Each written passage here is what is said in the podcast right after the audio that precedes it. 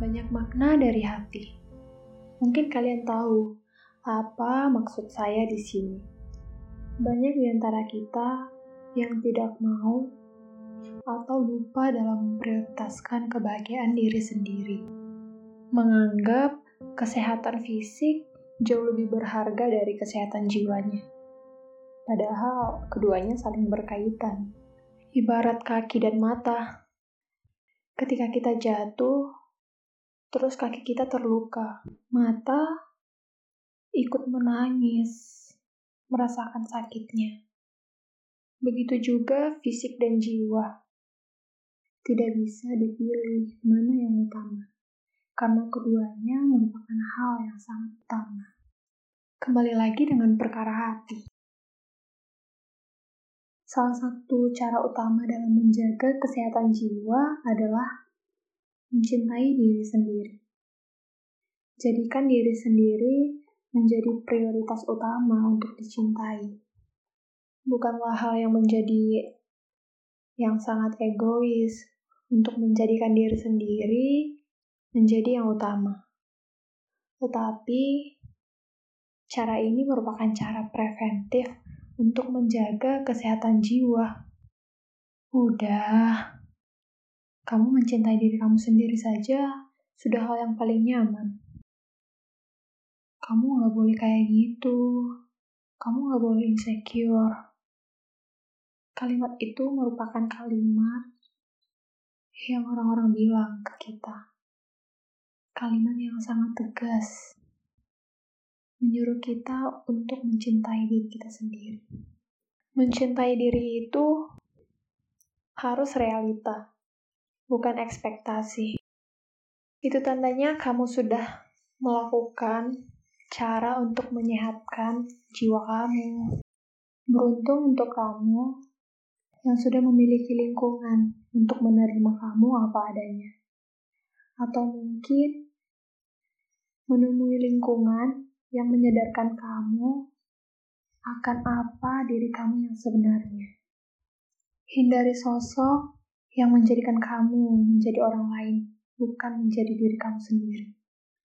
Dengan kamu mencintai diri kamu sendiri, dan saat itu orang-orang atau bahkan lingkungan menjauhi diri kamu, kamu gak akan iba atau merasa hina dengan dirimu sendiri. Justru kamu akan bangga, bangga akan hal yang sudah kamu ciptakan, bangga atas kaki yang sudah berdiri dengan kamu yang sebenarnya. Salah satu cara untuk menumbuhkan rasa bangga terhadap diri sendiri yaitu dengan menyadari akan hal yang sudah kita lakuin. Sehingga kita tidak akan kecewa dengan apa yang sudah kita lakuin. Atau bahkan kegagalan sekalipun. Kalau kamu merasa gagal, jangan merasa stres. Dan saya yakin pasti ada yang gagal. Tapi kalau nggak gitu, kita nggak tahu arti gagal itu buat apa. Sama halnya dengan saya, kamu. Pasti mengimpikan suatu hal yang sangat kita inginkan itu terwujud. Tapi hasilnya malah kebalikannya. Apa karena itu kita nggak mau bangkit lagi? Apa karena kegagalan itu membuat kita down terus-menerus? Gagal itu hanya melatih keabsahannya untuk menguji kita supaya lebih kuat jika kita sudah berhasil. Perkara waktu biarkan saja itu jadi debu. Bukan urusan kita untuk memikirkan soal itu. Begitu juga dengan orang lain. Sikap orang-orang terhadap kita. Lupakan. Ingat, kalau kamu tuh bisa menurunkan ekspektasi dan ego, dapat menyelamatkan diri kita, dapat menyelamatkan diri kita dari rasa kecewa. Kita harus sadar ada saatnya orang-orang dan lingkungan terdekat kita menjadi evil di mata kita. Bukan untuk menyalahkan, tapi abaikan saja. Percaya deh, kalau kamu itu bisa. Kamu mencintai diri kamu, itu sama saja. Menyehatkan jiwa supaya menjadi lebih baik lagi.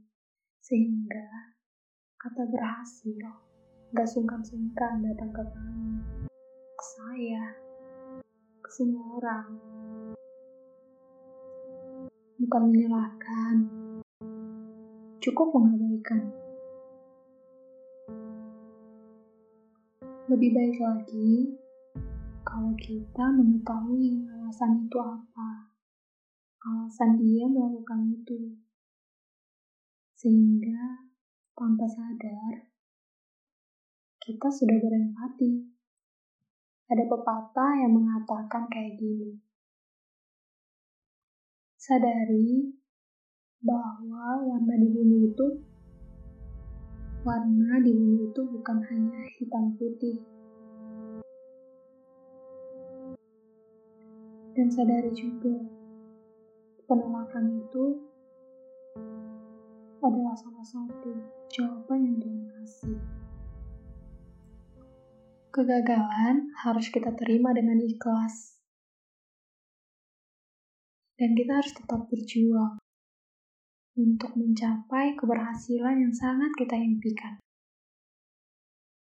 Walau kita gagal, kita harus tetap mencintai diri sendiri, menyemangati diri sendiri.